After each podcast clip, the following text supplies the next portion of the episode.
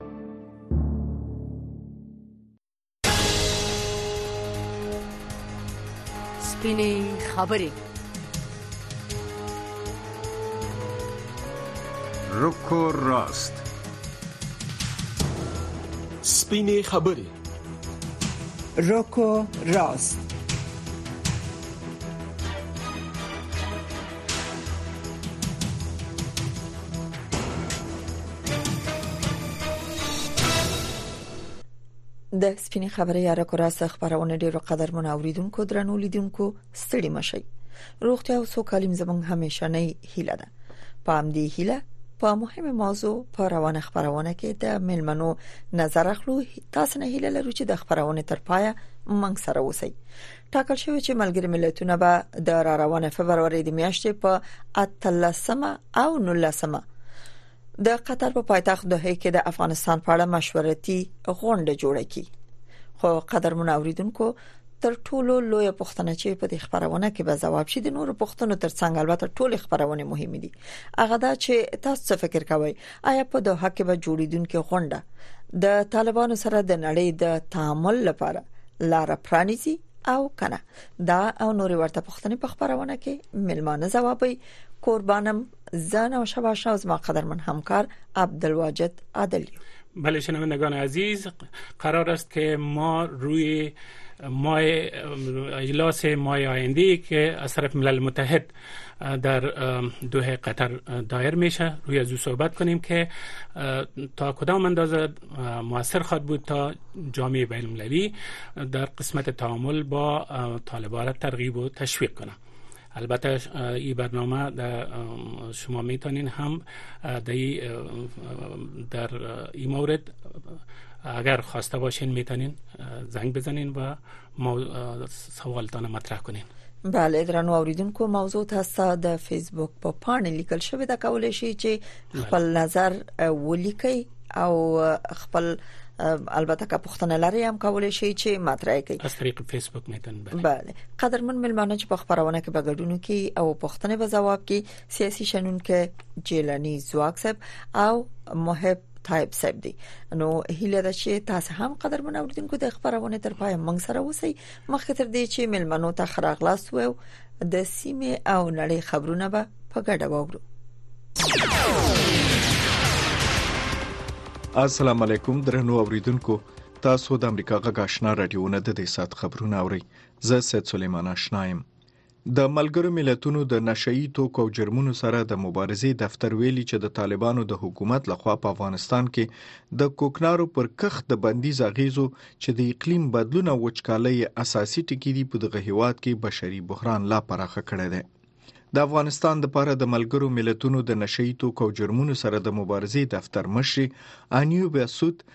د چهارشنبې په ورځ ناوخته وویل چې د طالبانو د حکومت لخوا په 2022 میلادي کال کې د کوکنارو پر کښت د بندیز وروسته په افغانستان کې بزګرانو خپل زخت زیات عاید د لاسه ورکړی دی د ملګرو ملتونو د دغه ادارې د یو راپور د مخې په تیر 2023 میلادي کال کې په افغانستان کې یوازې پر 10800 هکتار ځمکه چې 22000 جریبه ځمکه کیږي کوکنار کرل شوی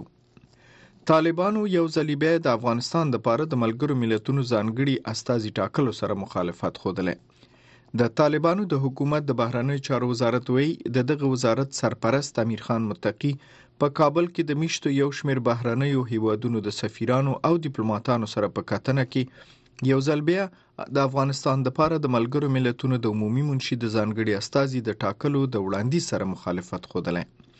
د وزارت یو ویاند د چهارشنبې په ورځ رسنیو ته ویلي دي چې سرپرست وزیر متقي د سیمې هیوادونو غوښتنه کړې ده چې باید افغانستان سره د مثبت تعامل د زیاتوالي او دوام لپاره سیمه ییزې سلا مشورې ترسره کړي په دې کتنه کې د روسیې، چین، ایران، پاکستان، ازبکستان، ترکمنستان، قزاقستان، هند، ترکیې او انډونیزیا سفیرانو او د دیپلوماتیکو ماموریتونو مشرانو ګډون کړی و. د ملګرو ملتونو امنیت شورا د تیر 2023 میلادي کال د ډسمبر په 29 مه افغانستان او د طالبانو رهبرۍ سره د تعامل د بڼې لپاره او همدارنګه د یو ځانګړي استازي د ټاکلو په اړه یو پریکړه لیک تصویب کړی و. ملګری ملتونه وی بل میاشت په قطر کې د افغانستان په اړه مشورتي غونډه جوړي د ملګرو ملتونو د عمومي منشي ویان وی ټاکل شوی د دغه ټولنې په کوربتوب به د را روانې فبرورۍ د میاشتې په 13مه او 19مه باندې د قطر په مرکز دوحه کې د افغانستان په اړه دویمه مشورتي غونډه جوړه کړي په دې اړه نور جزئیات د نوشابه آشنا نه اوري د ملګرو ملتونو د عمومي منشي ویان سټيفن دوجارک د چهارشنبه په ورځ د جنوري په 30مه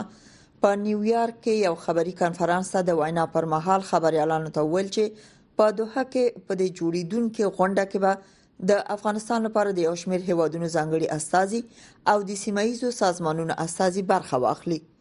ښاغلي دوجاریک وویل د دې غونډې هدف په دې اړه بحث کول دي چې څنګه د افغانستان په اړه د خپلواک ارزونکو سپارښتنو ته د پاملرنې په ګډون په لا همغږي او رغنده ډول سره نړیواله بوختیا زیاتولی شو د ملګرو ملتونو د عمومي منشي د ویان د وینا لمخې د دغه غونډې د جوړېدو په اړه کار روان دی په قطر کې دا غونډه په داسې حال کې جوړیږي چې تر اوسه نه ده معلومه د طالبانو او د خزو اساسو ته به هم د ګډون بلنه ورکړل شي او کنه ناشاباشنا امریکا غاک واشنگټن تاسو د امریکا غاک آشنا رادیوونه د افغانستان سیمه او نړۍ خبرونه اورئ د امریکا پخوانی جمهور رئیس ډانلډ ټرمپ خبرداري ورکړي چې د اوکرين، اسرائیل او تایوان سره د څناڅه یو سل شپږ میلیارډ ډالرو بهرنۍ مرستې پلان به شنډ کی او د مهاجرت اړوند قوانین به نورم سخت کی. په دې دواړو مسلو باندې سپینې ماڼۍ او په مشرانو جرګه کې د دواړو ګوندونو سناتورانو په میاشتو کار کړی دی. ټرمپ چې د تیرې سې شنبې په ورځ یې په دوه مهمو ایالتونو کې د ګوندي ټاکنو په سیالۍ کې د راتلونکو جمهوریت ریاست ټاکنو لپاره نوماندي ګټلې ډیر ګمان کیږي چې د خپل ګوند عمومي نومان هم شي جمهوریت غوښتونکي په دې ټینګار کوي چې د بهرنیو مرستو په پلان کې د سرحدونو د امنیت لپاره تمویل هم شامل او د مهاجرت اړوند مقررات نورم سخت شي د امریکا د کانګرس یو پلاوي د پنجشنبې په ورځ په تایپې کې د تایوان د نوي منتخب جمهور رئیس لي چنګ تي سره ولیدل. د دې خبر نور تفصیل به د محمد سالم مندوخیل په غږ کې واورئ. د امریکا د کانګرس پلاوی د چهارشنبې په ورځ تایوان ته په داسې وخت کې ورسېد چې هلته د تایوان دیموکراتیک مترقي ګوند د دریم ځل لپاره پرلپسې د جمهوري ریاست ټاکنې ګټلې دي. د امریکا د کانګرس په پلاوي کې د دواړو ګوندونو استازي شامل دي او په تایوان کې به د حکومتي چارواکو او سوداګرو سره لیدنې وکړي چین د تایوان او امریکا ترمنځ د هر ډول رسمي لیدنو سره مخالفت لري او وايي د بهرنیو حکومتونو رسمي لیدنې د تایوان د خپلواکۍ په رسمیت پیژندنې معنی لري واشنګټن په نولس سوه نهه اویا کې د تایوان سره خپلې رسمي دیپلوماتیکې اړیکې د دې لپاره ختمې کړې وې چې د چین سره رسمیت ولري. د امریکا د بحري ځواکونو یوه جنګي بېړۍ د چهارشنبې په ورځ چې د جنوري څلېرویشت مه وه، د تایوان له تنګي څخه تېره شوه چې چین پرې سخت انتقاد وکړو. د جنوري په درویشتمه نیټه په تایوان کې د جمهوریت ریاست او پارلماني انتخاباتو وروسته دا اول ځل چې د امریکا یو جنگي بیړۍ د تایوان له تنګي تیر شوه او په هند کې دا ونی د بابوري مسجد په ځای د جوړ شوی مندر د پرانستلو په نتیجه کې د فرقېي تاوتریخوالي د پیښو وروسته چارواکو د ممبئی په خار کې د لسګونو مسلمانانو د پلورنځیو مخې ویجاړې کړې دي د هند صدراعظم نریندرا مودي د یک شنبه په ورځ د تترا پردیش ایالت په یودیا کې په 1992 میلادي کال کې د نړول شوی 14مې پیړۍ د جماعت په ځای جوړ شوی رام مندر پرانست د کار په ممبای ښار کې د مسلمانانو او هندوانو ترمنځ فرقهي تاوتریخوالی پارول دی د تاوتریخوالي په دې پیښو کې د هندوانو هغه لاریون هم شامل دی چې د مسلمانانو په سیمه کې مذهبي شعارونه ورکول دا و د دې سات خبرونه درنو اوریدونکو د سیمې او نړۍ خبرونه واوریدل مننه چې تر دې شیبې ملتیا وکړه او خبرونه ته غوږ وي هله د خبرونه تر پای مونږ سره وسی ډیر سره وای چې درنه ملمانه په لاین کې دي عادل صاحب که ساسي اجازه ځان به مطمئنه کو چې درنه ملمانه زمونږ غږ اوري بله جناب محب الله طيب صاحب د برنامه تشریف دارین سلام و عرض ادب سه بله ما حضور دارم تشکر از اشتراکتان همچنان از جناب جلانی زواک صاحب شما به برنامه تشریف دارین در برنامه تشکر از اشتراکتان برنامه بله د دوړو درنو ملمنو نه په مننې پښتنه به د زواک صاحب نه پایل کو زواک صاحب تاسو په جریان کې سي چې ټاکل شوی چې ملګری ملتونه به د روان فبروري د میاشتې په 18مه او 19مه د قطر په پایتخت دوحه کې د افغانستان په اړه یو کانفرنس جوړ کې وغونډه به جوړه کی چې په هغه کې به د مختلفو او ډیرو هیوادونو استازیم ګډون کی اول په دغه وخت کې چې د افغانستان وضعیت نه تاسو پوهیږئ چې په څه وضعیت کې د افغانستان او افغانان په څه وضعیت کې دي او د نړۍ اړیکې د طالبانو سره او د طالبانو تعامل د نړۍ سره په کوم وضعیت او څه شرایطو کې دی د دې غونډې د اهمیت په اړه تاسو څه نظر لرئ څومره ګټوره ده څومره اهمیت لري د افغانستان لپاره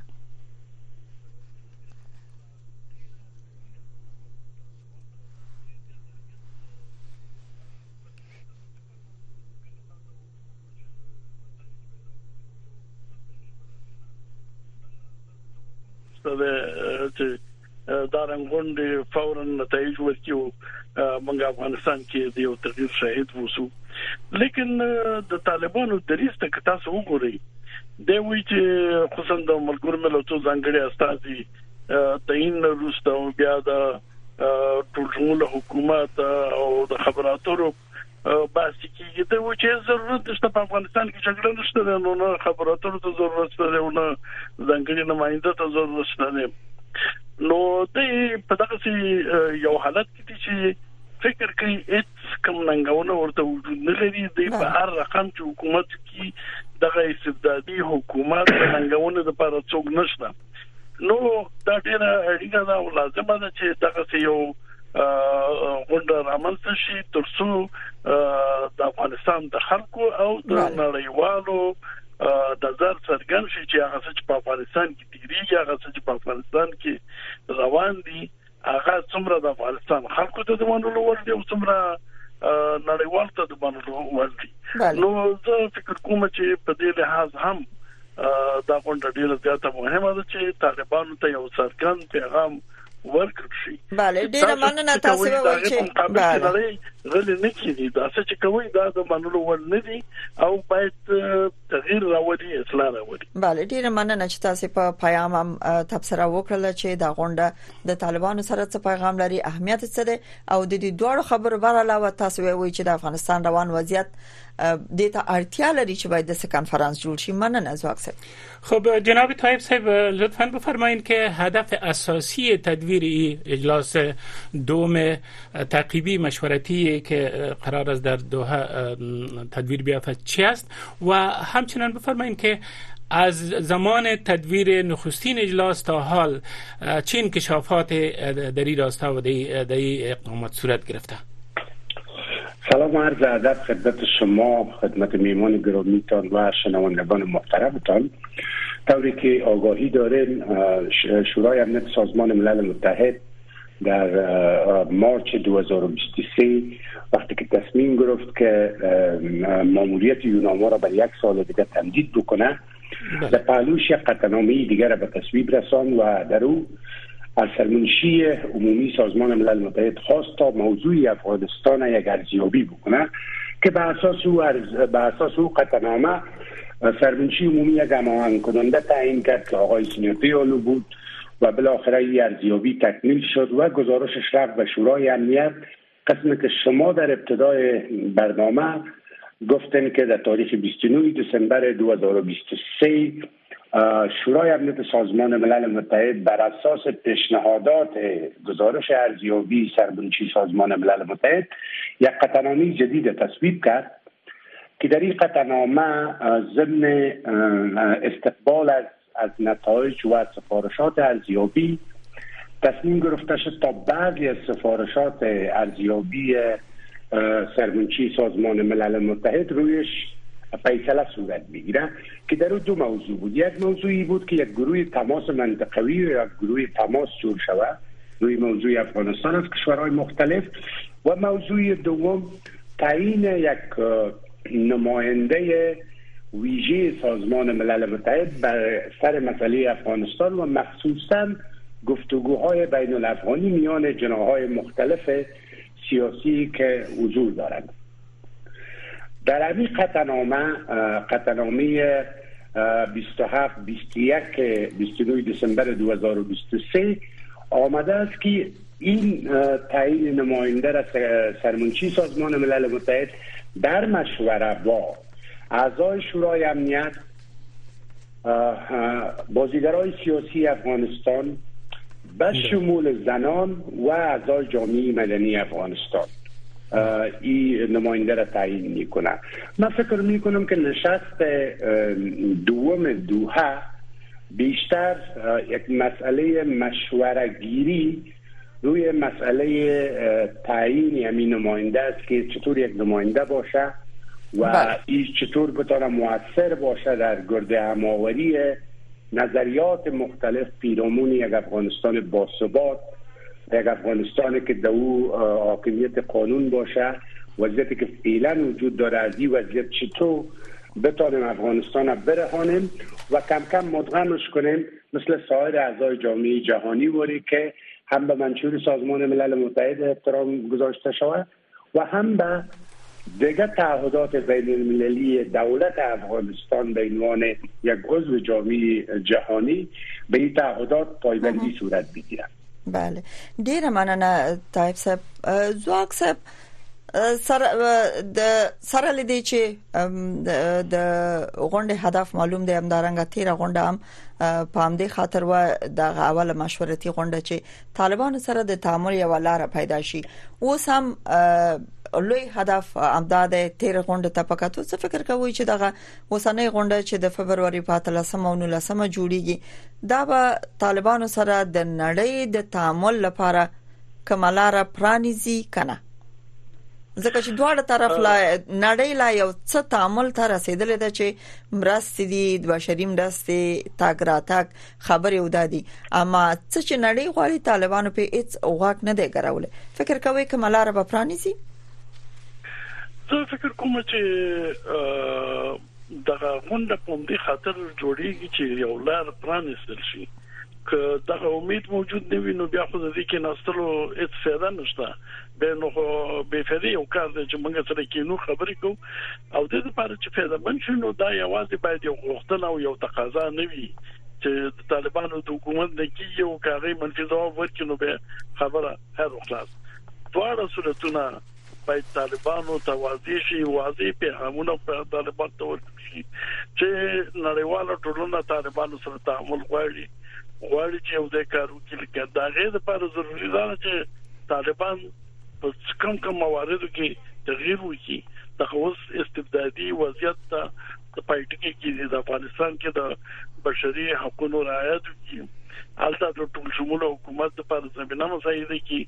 ښځو ته د ښځو حقوق دی او د افرادو اساسي حقوق دی هغه ته احترام وکړي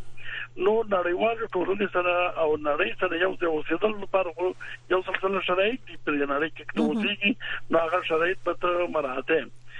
کدا نه مراته چې کیږي دا به هم مهم دی که طالبان دا نه مراته نو نړۍ به ورسره څه کوي بیا به مرته مهارا فرصت میلیون ډالر لګي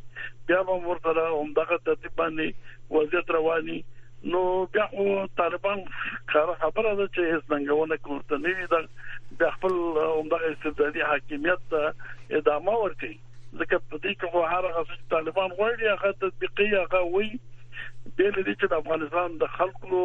خوخه څنګه ده یا یا نړیواله ټولنه ته وي نو دا وضعیت به تغیر وکړي په دغه غونډه کې یو بل واضح پیغام هم باید طالبانو ته ورکړل شي چې که د طالبانو حکومت د افغانستان د خلکو اساسي حقوقو ته احترام نه کوي یو ټول شمول حکومت پاته کام نه کوي د خځو حقوق نه مراعاتي نو بیا به د نړیوالو ټولنې تحمل بل بله دا باید طالبان په دې پوه شي چې بیا هغه قیمت ورکول شي کنه شي ورکول نو کدا سي نه وي یوازې یو غوښتنه وی چې نړیواله ټولنه غوښتنه کوي طالبان نو چې دا تغیر راوړي نو دا هیڅ وخت مخکې را مخکې نه طالبان ورکړي ویل دي چې جګړه نشته ده د طالبانو منطق ډیر یعنی ډیر عجیب منطق دی کنه تاسو فلهذا باید جنگ شروع شي تاسو چې تر څو تاسو تغییر ته مجبور شئ یعنی تاسو په زور خلک مجبوروي د مخالف سیاسي ګوندونه دي آزاد دي او د افغانستان خلک دي دا تاسو په زور مجبوروي نو چې ټوپک را واخلي تاسو پسې بیا به تاسو راځي تغییر خواته د اصلاح خواته او بیا و خبره بله بله مننه زوات صاحب بله هیڅ ضرورت نشته هیڅ خبره ته هیڅ تغییر ته تشکر جناب طایب صاحب فکر می کنم که طالبا از قبل تعیین نماینده خاص که از سوی سرمنشی ملل متحد البته تجویز شده بود این ایدیا را رد کردن و تا یک بار دیگه هم این موضوع را گفتن که ضرورت احساس نمیشه که تا چنین یک نماینده خاص برای موضوع افغانستان تعیین شود به نظر شما آیا تماس های جدی بین ملل متحد و یا کسانی که در اجلاس قبلی موجود بودن یا یا هر کسی دیگری بوده باشه از طالبات صورت گرفته در این موضوع تماس دائمی با ایشان برقرار است راجع به این موضوع و موضوعات شامل دیگه که در این اجلاس روی زو بحث خواهد شد این دلیل ای که اونا رد میکنن تعیین نماینده خاص چی می باشه عادل صاحب اگر قضیه افغانستان بعد از آگوست 2021 در سطح بین المللی و منطقوی و داخلی ببینیم چند گروهی از اکتورا هستند در بله. سطح جهانی یعنی پنج عضو دایمی شورای امنیت و بعد در سطح منطقه کشورهای همسایه افغانستان و روسیه و چین که بسیار تاثیرگذار هستند اونجا حتی هند پاکستان ایران و بعد در سطح داخل مردم افغانستان و گروهی که حال به هر شکل حاکمیت در دستشان است د د سطح بین المللی د سطح منطقی و د سطح مردم افغانستان همه به این فکر هستند که افغانستان مشکل دارد بله. و طالبا یگانه جناح هستند که فکر میکنند که گل و گلزار است همه بله. چیز دلیل که طالبا میگن که برای یک نماینده دیگه سازمان ملل متحد در مورد افغانستان ضرورت نیست همین دید طالبانی است در حالی که مردم افغانستان در طی دو سال هر روز وضعیتشان هم از نگاه معیشتی و طبعا از نگاه آزادی های مدنی و سیاسی وضعیت بر همگان معلوم است مخصوصا حذف نصف از جامعه به بهانه شریعت یا احکام دین چیزی است که در, در هیچ گوشه و کنار دنیا ای قابل قبول نیست و ما مردم افغانستان یگانه جامعه اسلامی نیست امروز ملل مسلمان در, در, در هر گوشه دنیا حضور داره و همون رقمی که دینشان پایبندی برشان دارن به همین ترتیب در موارد که دنیای امروزی بر ضرورت داره بر از او آزادی ها هم چه قائل هستن اهمیت قائل هستن و احترام قائل هستن اما طالبا فکر میکنم که در اینا از از, کدام منظومی دیگر آمده و به این فکر هستند که هر چی که یعنی چند ملای که فکر میکنن که مثلا دن اینی باشه و ریش مرد اینی طور باشه و لباس پوشی به این شکل باشه در قرن 21 یک جامعه پویا را میخواهند به قهقرا ببرند من فکر می کنم که مخالفت از یام از امی منشأ میگیره در مورد تعیین نماینده سرمنشی سازمان ملل بر افغانستان مسئله دیگه که بسیار اهمیت داره و این نشست روبروی دوحه ما انتظار دارم و امیدواری دارم که بتانه همین امر مهمه رویش به توافق برسد او ایست که کشورها در داد و گرفت دو جانبه با طالبان متاسفانه دیگر رقم عمل میکنن تا که در, در, در سطح بین المللی یکی از, از, از موضوعات که سربنچی بله. سازمان ملل متحد پشتش میگرده امی توافق نظر کشورها در چگونگی برخورد با طالبا است قسم که میمان شما فرمود اگر جامعه جهانی امو کار برای برای گفتگو و برای برای دیگه قانع بسازه طالب که کاری که میکنه اشتباس افغانستان امروز ضرورت از داره که عضو جامعه جهانی باشه تو نمیتونی یک کشور چل میلیونی را تجرید بکنی با تمام این یعنی ضرورت که دنیای امروز برای تجارت برای داد و ستت برای برای هر آنچه که در زندگی نیاز است برای یک جامعه این نمیتونی تجدید بکنی من فکر میکنم که هنوز هم همین ابزار جامعه جهانی در دست داره بله. اگر جامعه جهانی بخواید مثلا کمک های بشری را مشروط برای برای, برای ازی بسازه که طالبا باید نظم جهانی را مراد بکنند منشور سازمان ملل متحده و تعهدات بین المللی دولت افغانستان به عنوان عضو سازمان ملل متحد ای, ای ابزار در دوست جامعه جهانی است در صورت که یک جا حرکت بکنند بله. و موضع موضع واحد داشته باشند بله. ډیره مننه طيب صاحب شکر زواک صاحب غونډه په دې هدف جوړیږي چې کوم خپلواک ارزون کې یا راپور ورکون کې چې تعینېږي د هغه سپارښتنو ته ځانګړې پاملرنه وشي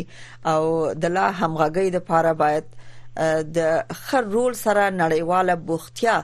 زیاته شي نه خېلتیا د په افغانستان کې هغه بشري مرستي او که هر هدف نړۍ لري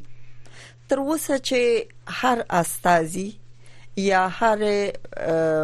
راپور ورکونکي ادارې د افغانستان په اړه څه خبره کړې دي اکثرا طالبانو رد کړې دي او چې دا یو طرفه قضاوت ده مثلا د خزو په مورد کې د د دوی جواب بل رقم راپور رد شوې ده د بشري حقوقو د نقص په مورد کې دا ټول هرڅوي ګل ګلزار دي دوی ټول راپورونه رد کړی دي اوس که نړۍ د دې لپاره راټولېږي چې د افغانستان لپاره یو استاد ټاکل کیږي او د هغه سپارښتنو ته ارزښت ورکول کیږي او نړۍ به خپل هدف تعقیبي په افغانستان کې هرڅه چی فکر کوي چې دغه هدف ته نړیوال رسیدلی شي یا ملګری ملتونه چې اوس د غونډه د دوی په مشرۍ جوړیږي دوی خپل هدف تعقیبولای شي ځکه ام د استاذي ټاکل رات کړی دي عوام تر اوسه پورې چې کوم راپورونه خبر شوی دي دوی را دی بله طالبانو ماهیت باید پیژندل شي طالبان خصوصا وسو چې پر خبرې کې دي دا څه رقم خلک دي آیا کوم خبره چې نړیواله ټولنه ورته کوي په هغه باندې پویږي اخستلې شي چې څه وای نړیواله ټولنه او د دې معنی څه ده موږ ته اهمیت څه ده او بل دې چې څه کوي هغه باندې دې باور څنګه ده متاسفانه دې دغه څه چې کوي سره دې چې ټول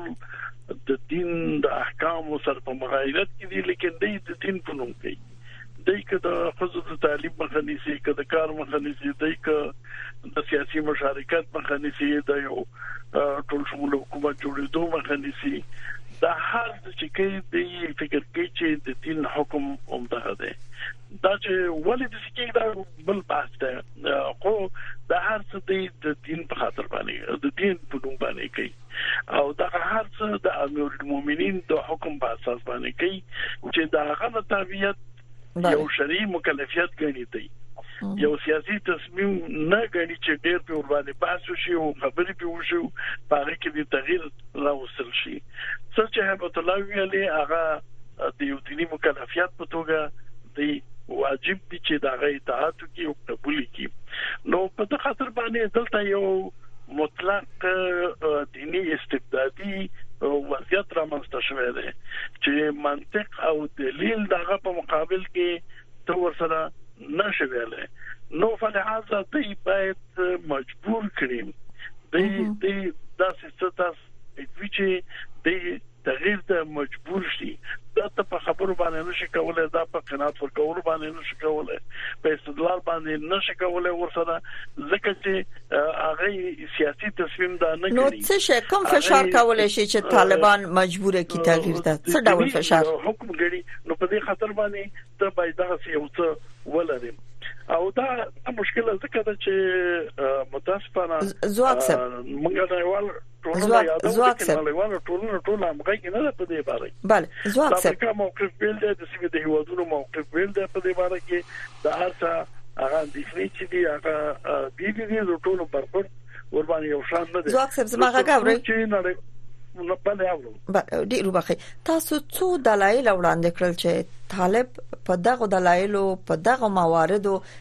نشي تغیر کولای ډېر خبره ډېر موارد مرتیات کړل نو څه شي او کم فشار کولای شي چې طالب تغیر کړي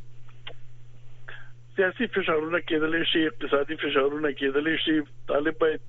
په دې پوه شي چې زه ژوند نشم کولای په دې پوه شي چې دغه حالت ماته قابل دی ادامه نه ده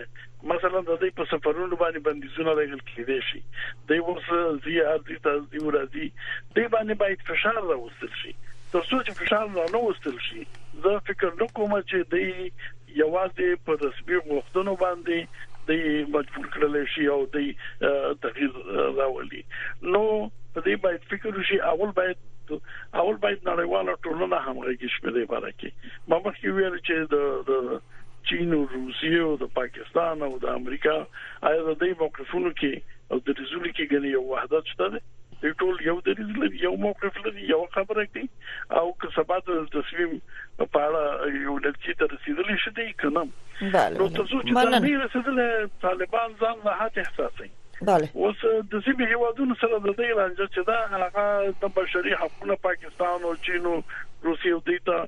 اهمیت لري نه بل چاته ته مثلا د بهرني ترهګر ډلې چې په افغانستان کې دی او دوی ونه احساس په خطر کې چې ټي ټي پی دا او یا د منځنۍ اسیا کوم ترهګر ډلې دي نو دا غي اندېښنه زیاتره په دې دا او دا غي خبرې په دې محور به د طالبانو سره ادامه لري من نه راځم اکثر بیرته تاسو درګرځو لیکن نړیواله ټولنه ملګری ملتونه کدا ابتکار په لاس کې اخلي نو هغه باید دغه سیاسي مصلحتونه چې مثلا امریکا لري چې لري روسیه لري د دنه ځان خلاص کی او د افغانستان د ازادۍ د افغانستان خلکو ته د غي د حقوق د عادي په اساس باندې یو تکلار جوړ کی او هغه باندې کار وشي کنه وینو فکر کوم زه فکر نه کوم چې په دغه وضعیت کې کوم ډیر موثر کم پورته کړي من نه نه بیرته راځو تاسو نور پښتنه ته خب جناب طيب صاحب شما چه فکر میکنین که آیا ملل متحد حاضر خواهد بود که نماینده طالبان را در این اجلاس دعوت کنه برای اینکه اگر طالبان من حیث یک واقعیت فعلا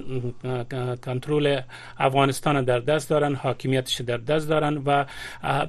به هر نحوی که خواسته باشند به مشکل حکومت خود به پیش میبرند آیا از طالبات این دعوت میشه یا خیر و ای که برای شناخت طالبا در آینده آیا و یا تعامل با طالبا ملل متحد نقشش چه است یا به شکل منفی یا مثبت خب شما میفهمین که هنوز نماینده سرمنشی سازمان ملل متحد و دفتر یوناما در کابل حضور دارد در قطعنامه که بعد از آگست 2021 در سال 2022 این همین ماموریت ملل متحد در افغانستان هم ماموریت حمایت از مردم نام گرفته شد برخلاف زمانی که حکومت و دولت وجود داشت این به عنوان یک کمک تکنیکی یا ماموریت تکنیکی برای دولتداری و حکومتداری بود ای بار به عنوان کمک بر مردم افغانستان حضور داره و طبیعی است که تماسای هم بین گروه طالبا و نماینده سرمنشی سازمان ملل متحد موجود است موضوعی که طالبا متاسفانه که آنمو مثل که تایی 20 سال بعد از کانفرانس بن انجام دادن فرصت های را از مردم افغانستان گرفته رایستن و او به خاطر خودخواهی هایی که اینا دارن فکر میکنن امو هنوز تعم ای که به حساب پیروز هستن اینا را گمراه کرده رایست وی متاسفانه که بر مردم افغانستان قیمت تمام میشه در نشست رسمی دوحه من انتظار دیده ندارم که نماینده طالبا اونجا حضور پیدا بکنه اما مطمئن هستم که در قسمت رئیزنی ها برای تعیین نماینده جدید سرمنشی سازمان ملل متحد دقیقا با اینا گفتگو خواهد شد اینا یک دفتر در قطر دارند یک دو نفر از ملاهای سار امو خاصشان اونجا حضور داره و و در قطر اینا با اینا بله. رایزنی خواهد شد اما اینکه در مجلس رسمی سرمنشی سازمان ملل متحد حضور پیدا بکنند جامعه جهانی هنوز یا همین نظام بین المللی حاضر نیست که هم یک, یک, یک پلتفرم به اختیار یک گروهی قرار بوده که هر روز از با گذشت هر روز خشنتر مستبدتر ظالمتر در مقابل مردم خودش عمل میکنه و این فکر نمی کنم که حضور رسمیشان مورد بحث باشد بله ډیره مننه جیلانی صاحب تاسو په خبره سئ چې روسیې د ورته غونډې خبر ورکړی دی چې په اگر چې تاریخ نه دی تعین اما ویل دي چې په مسکو کې به هم د افغانستان د امنیت په اړه یو غونډه جوړ شي چې د ټول شموله حکومت او د نړۍ سره د تعامل او دغه موضوعات به باندې به بحث کیږي په خبرونه کې همزمانه اول خود دغه غونډې جوړېدل همزمانه د موازی حرکتونه دغه څومره د افغانستان موضوع لانجمنه کولای شي بل دا چې د نړۍ ډیر هوادونه اوس د دوه په غونډه کې مراټولېږي د نخکاری چې د افغانستان مسله اوس نړیواله شوې ده د نړۍ توجه ځانته جلب کړي البته د اول نو اما کله کله د نو د نورو نړیوالو موضوعاتو تر تاثیر لاندې اما اوس چې په دې وروستیو کې د افغانستان په اړه داسې نړیوال غونډې جوړیږي څه فکر کوئ چې که داخل کې وضعیت دسی لکه دا اوس د نړۍ د غونډې ناسا او پریکړه به د افغانستان کوم درد دوا کی متاسفه دا خبره ده چې آیا موږ هغه څه چې نړۍ ورته زمونږ د سیمې هیوادونو نیولې تر امریکا پورې آیا د رښتیا په افغانستان کې د افغانستان د خلکو د حقوقو د اعاده په خاطر دلته د ثبات او امنیت په خاطر دا غونډه کې د کوششونه کوي او که د په خوا کې نورې قسم موجود لري مثلا تاسو خپله مطبوعات کې وګوري کله چې دوه کانفرنس وشو نو د امریکا معتبرو ورځپاڼو دا ولیکل چې افغانستان په لوی لاس پاکستان طالبانو ته وسپارل شو عمومي فکر راو تاسو ډیر کسان سره خبرې وکړي دا په درته وی چې امریکا د افغانستان حکومت او دا نظام طالبانو ته وسپاره په یو جنگ کې د شکست نه شوې لیکن نو که افغانستان کې طالبان بیرته واک رسول کې د امریکا د خیل وی او له د خیل وی نو اوس ولې دغه تغییر بیا بیرته دی راوړ خو راوستل یو هدف یو کار وو نه خپل وړي دغه افغانستان نه چې وسته او هغه باندې طالبان حاکم دي یو په حقیقت کې د یو یو یو د جهالت یو استبداد دی او جاهلانه استبداد په افغانستان حاکم دی نو خو دغه به یو وظیفه لري کنه نو تر څو چې هغه وظیفه اجرا شوی نه وي زه فکر نه کوم چې دا غونډه کې نتیجې ته ورسېږو موږ کوم هدف ته ورسېږو البته د نړیوالو ستر قدرتونو ترمنځ کوم سیالي چې دي او داغه په اهداف داغه په خاطر باندې طالب او داعش او دغه نور پراکسي ډلې لکه څنګه چې لوبول کیږي نو دا خو یو تعداد نور مخالفین هم لري یعنی مطلب د دې ضرر هم یو چاته رسیږي یو لږه هیله چې دا غدا چې د دې لوبي ضرر چې چاته رسیږي دغه خلک وکول شي افغانستان سره مرسته وکړي او د دې مخنیوي وکړي نو آیا دا څونه امکان لري څونه امکان نه لري څونه دغه خطر ټول په یو رنګ هغه قابل د درک دی ورته او هغه په مقابل کې څه کول غواړي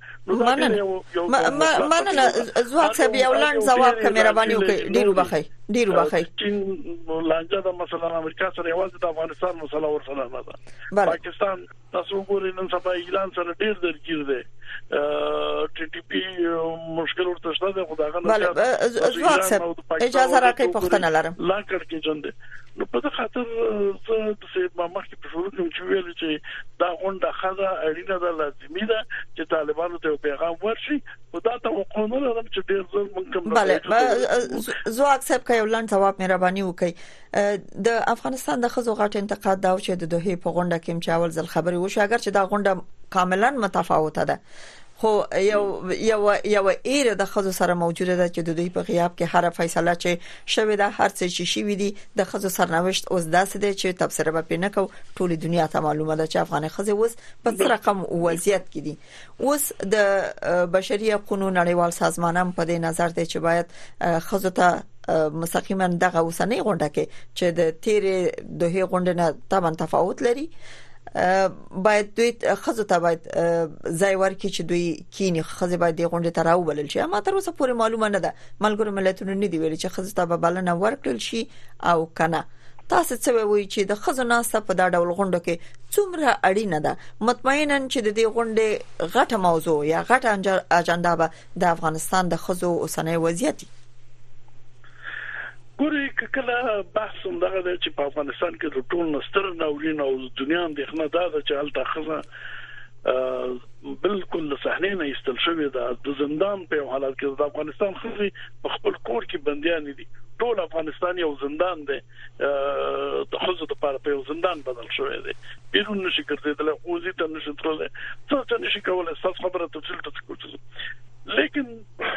د دې د سرنوشت په اړه خبرې کیږي او هغه کې د افغانستان د خزو استازیتوب کوي نو تبم دا بحث نیمګړی دی البته دا خبره ده چې نه یوازې خزي بلکې د افغانستان د مدني ټولنې د افغانستان د سیاسي فعالینو سیاسي ګوندونو نمائندګان یعنی په ترتیب د افغانستان د خلکو استازیتوب باید په غونډو په دغه غونډو کې وځي ترڅو د دغه غونډې بحث د افغانستان منافع په اساس هم الته بحث وشي نو دا چې د دغه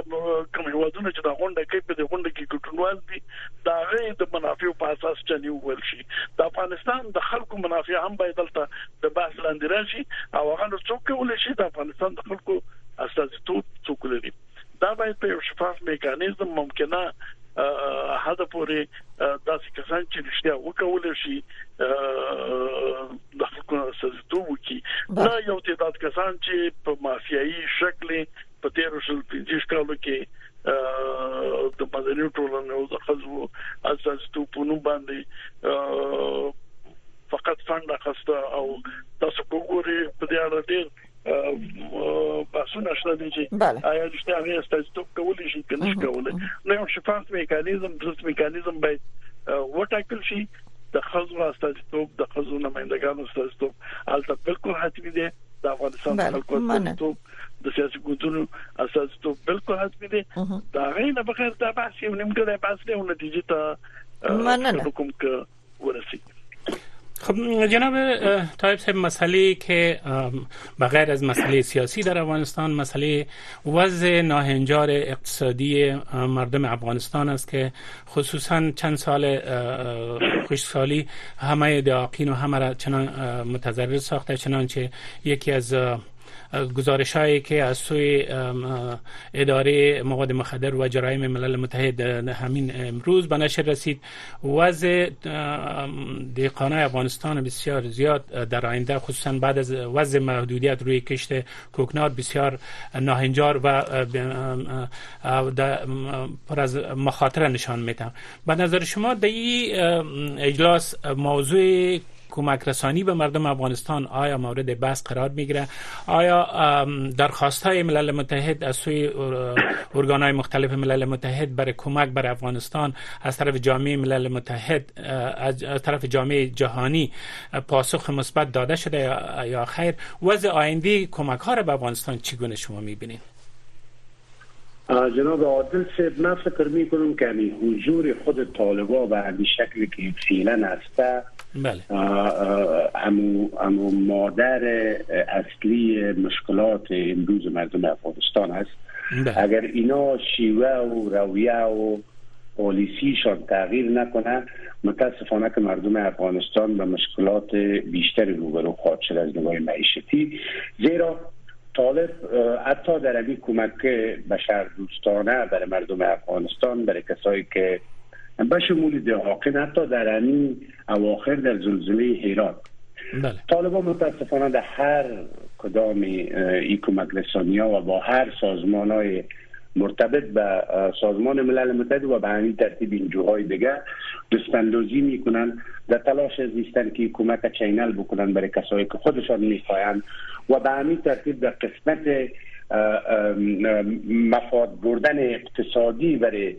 بریزی که امو, امو اقتدار خودشانه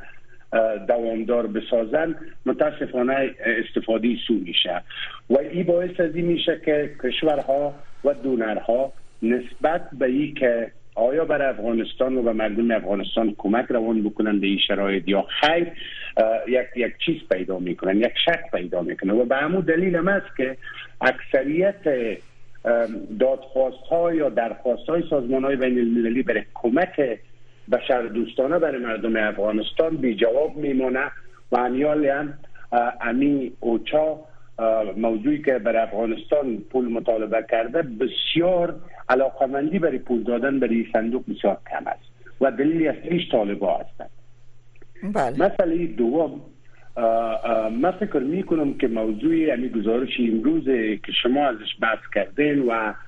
ای که دیقانای افغانستان متضرر میشه شما فکر کنین که این مواد مخدر کی ترویج میکرد در افغانستان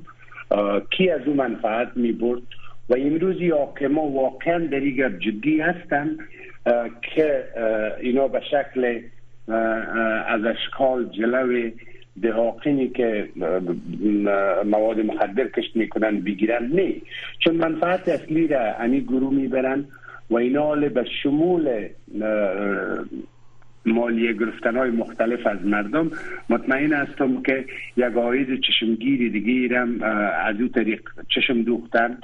و گزارشاتی که در این مورد نشر میشه متاسفانه از یک تعداد نهادهای حتی معتبرم شک و تردید داره در مورد ای که درستیشان به چی وضعیت است چون شما میفهمین که از سال 2001 به این طرف من وقتی که اقتصاد ترکیه و افغانستان مقایسه می کنم از آگست 2021 وقتی که گروه طالبا حاکم شده هر روز پول افغانی قوت بیشتر میگیره مثلا شما این با لیره ترکی بله. مقایسه بکنین و تولید دو کشور مقایسه بکنین براتون بسیار جالب است که چطور یک کشوری که هیچ تولید نداره هیچ صادرات نداره پولش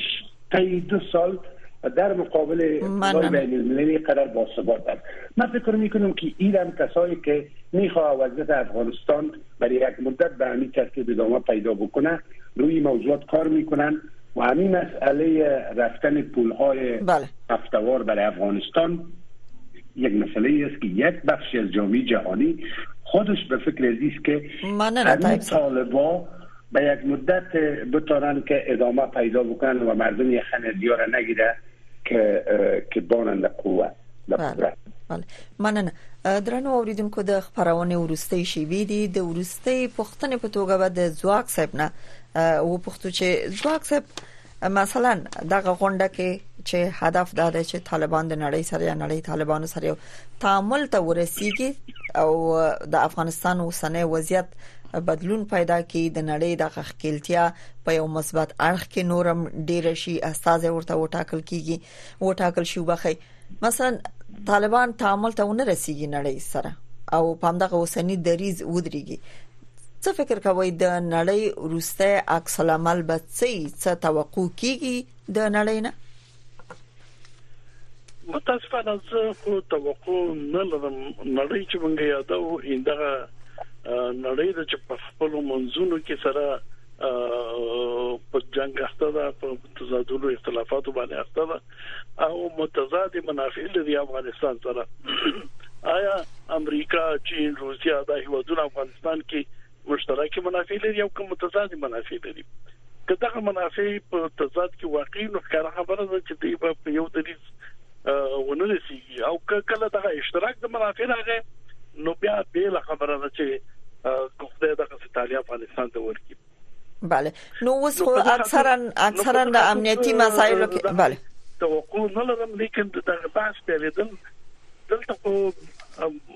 بالاخره دریم څوک هم شته موږ همیشه دوه قطبونو دوه طرفونو په اړه خبرې کوو د هر مسلې لیکن یو درې مرخه همیشه وجود لري دغه درې مار درې نړۍ هوادونه ورته واغې هوادونه چې د افغانستان د موضوع نه د افغانستان د وضعیت نه ضرر ورته رسیږي لیکن په دغه لومه کې داسې دخیل نه چې خپل کوم ستراتیژیک اهداف ولري بله نو که دغه هیوادونه سره راټول کړی شي دغه کار ملګری ملتونه وکولای شي او دغه هیوادونه د ملګرو ملتونو د لارې نه ایمال د نفوذ کوي مستقیما ایمال د نفوذ په نشي کولای واړه هیوادونه دي چې تبرک دي لری پراته هیوادونه دي لیکن ملګری ملتونه دغه یو پلیټ فارم دی چې هغه دغه امکان پیدا کوي چې دغه دریم قوت چې دی دریم څوک چې دی هغه څوک چې مستقیما په افغانستان کې داسې منافع نه لري چې د افغانستان د بې ثباتۍ جګړې سبب شي هغه ته د څه کولو زمينه مساعدي د ملګرو ملتونو د پلیټ فارم مننه ځواک سره بعد د تیپ یو امید پیدا کړي او خدای دې چې یو نتیجې ته ورسیږي ډیر مننه ډیر زر باید توقع ونه لرو بله ډیره مننه یعنی د ځواک سب مقصد دا دی چې د نړیوالو د موثره ګام د لپاره باید اول نړۍ خپل مشترکات پیدا کړي په یو خله شي د افغانستان په باس کې ورسته به تاثیرګذاري ډیره د دواړو قدرمنو ملمنو طيب صاحب او ځواک صاحب نه د زړه کومې مننه کوم چې په دې مهم باس کې برخه واخیسته بله شنوندگان عزیز در ختم برنامه توجه شما را به اخبار این ساعت جلب میکنیم سلام و وقت همش با بخیر شنونده های عزیز تاموس نماینده ویژه ایالات متحده برای افغانستان میگوید که گماشتن نماینده ویژه منشی عمومی سازمان ملل متحد برای افغانستان یک فرصت بزرگ برای این کشور و طالبان می باشد. ارزیابی مستقل ملل متحد خواستار گماشتن یک هماهنگ کننده یا یک فرستاده شده است تا یک روند دیپلماتیکی را رهبری کند که در بدل عملی کردن مسئولیت های افغانستان از جانب طالبان ادغام کامل افغانستان در سیستم جهانی را نظارت خواهد کرد. می خواهم بگویم که به باور من این یک فرصت بزرگ برای دولت افغانستان و برای طالبان می باشد. Um, ما به یک صدای منطقی قوی نیاز داریم که منافع آن در مطابقت با جامعه جهانی و مردم افغانستان قرار داشته باشد ما به یک شخص قوی نیاز داریم که نه تنها در افغانستان کار کند بلکه به آن پایتخت های کلیدی نیز رفت و آمد داشته باشد که مشوره با آنان در مورد چگونگی این مسیر عادی سازی کامل نیاز است تام وست این اظهارات را در حال بیان کرده که امیرخان متقی سرپرست وزارت خارجه حکومت طالبان باری دیگر گفته است که به گزینش نمایندگان جدید نیاز نیست آقای وست گفته است که کشورهای مختلف در افغانستان منافع مشترک داشته و افغانستان یک میدان رقابت جیوپولیتیک نیست زیرا به گفته وی کشورهای جهان نمی خواهند که افغانستان باری دیگر به لانه امن توریسم مبدل شود و یا هم شاهد سرازیر شدن مهاجرین و پناهجویان از این کشور باشند آقای وست در این صحبت ها به کمک های بشردوستانه ارسال شده در سال 2023 به افغانستان اشاره کرده گفت که ایالات متحده هنوز هم در صدر کشورهای کمک کننده بشری به افغانستان قرار دارد او افزود که تلاش ها به خاطر بهبود هرچی بیشتر وضعیت اقتصادی مردم در افغانستان از سوی جامعه جهانی ادامه خواهد داشت با این حال سخنگوی منشی عمومی سازمان ملل متحد میگوید که این سازمان دومین نشستی را درباره افغانستان به تاریخ 18 و 19 ماه فبروری در قطر میزبانی خواهد کرد. استیفن توجاری که روز شنبه 24 جنوری در یک نشست خبری در نیویورک به خبرنگاران گفت که این نشست با حضور نمایندگان ویژه کشورهای عضو و سازمانهای منطقه‌ای در دوحه پایتخت قطر برگزار می شود. دوجاریک هدف این نشست را بحث در مورد چگونگی رویکرد افزایش مشارکت المللی با شیوه منسجم هماهنگ و ساختاری یافته از جمله از طریق در نظر گرفتن توصیه های ارزیابی مستقل در مورد افغانستان عنوان کرد این نشست در حال برگزار می شود که حضور یا عدم حضور زنان افغان در آن هنوز اعلام نشده است اما هیدربار مسئول حقوق بشر و زنان در سازمان دیدبان حقوق بشر بر مشارکت زنان در این نشست تاکید کرده است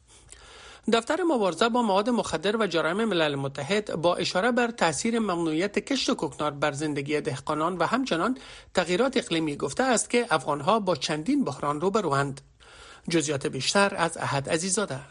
انیو بسود نماینده دفتر مبارزه با مواد مخدر و جرایم ملل متحد در افغانستان ناوقت چهارشنبه 24 جنوری با نشر پیام تصویری در شبکه اجتماعی ایکس گفته است که پس از ممنوعیت کشت کوکنار توسط طالبان در سال 2022 دهقانان در سراسر افغانستان درآمدشان را به شدت از دست دادن.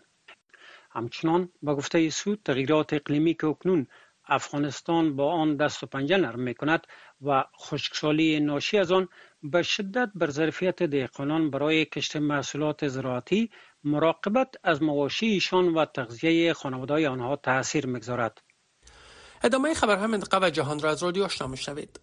سفیر امریکا در ترکیه میگوید که ممکن طی چند روز آینده رجب طیب اردوغان رئیس جمهور ترکیه عضویت سویدن در ناتو را نهایی کند که موجب برداشتن گام های سریع در فروش جنگنده های 16 امریکایی بنقره خواهد شد جف فلک سفیر آمریکا در ترکیه در مصاحبه اختصاصی روز پنجشنبه گفت که پس از دریافت سند رسمی تصویب عضویت سویدن در ناتو وزارت خارجه ایالات متحده فورا اطلاعیه فروش جتهای اف 16 را به کنگرس این کشور ارسال خواهد کرد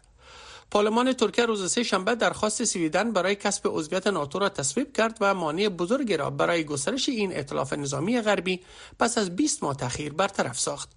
اکنون اردوغان باید این قانون را امضا کند و سپس در روزنامه رسمی ترکیه منتشر خواهد شد سند الحاق سویدن به ناتو باید به واشنگتن نیز ارسال شود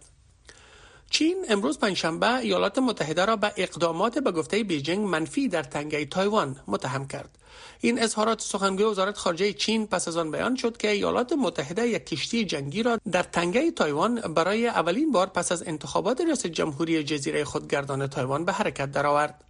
وانگ ونبن سخنگوی وزارت خارجه چین گفت که ایالات متحده بایست از ایجاد مشکل در تنگه تایوان خودداری کرده و از ارسال پیامهای به گفته وی نادرست به نیروهای استقلال طلب تایوان جلوگیری کند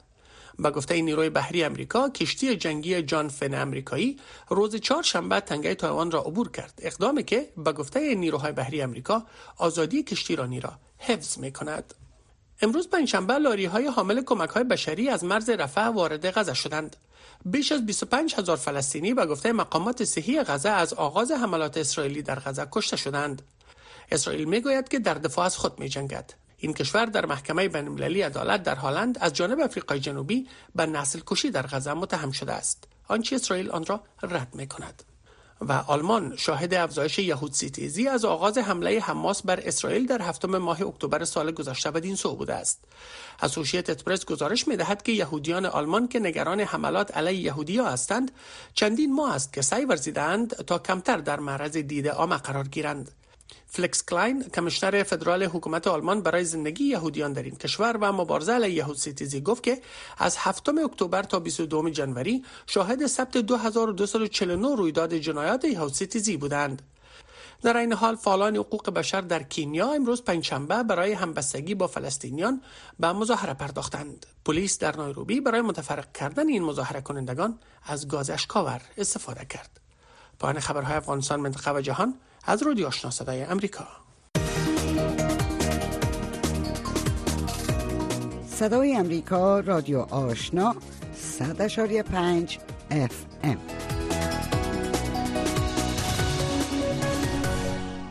درنو اوریدونکو د سپین خبرې یا رکوراست خبرونه په همدې زی پای ته رسیدي د درنو ملمنو نش په خبرونه کې نظر څرګند کړ د زړه لکومي مننه کو او د قدرمن اوریدونکو نه چې خبرونه واوریدله د دوی هم کور ودانی نو په لاندو شیبو کې د نن وضعیت خبرونه هم پیلېږي هله د خبرونه تر پایه منګ سره اوسئ ستاسو د په مخه خشي خش په ورځ ولري بله شنونگان عزیز تا برنامه آینده شما را به خداوند بزرگ و یکتا میسپاریم شبتان خوش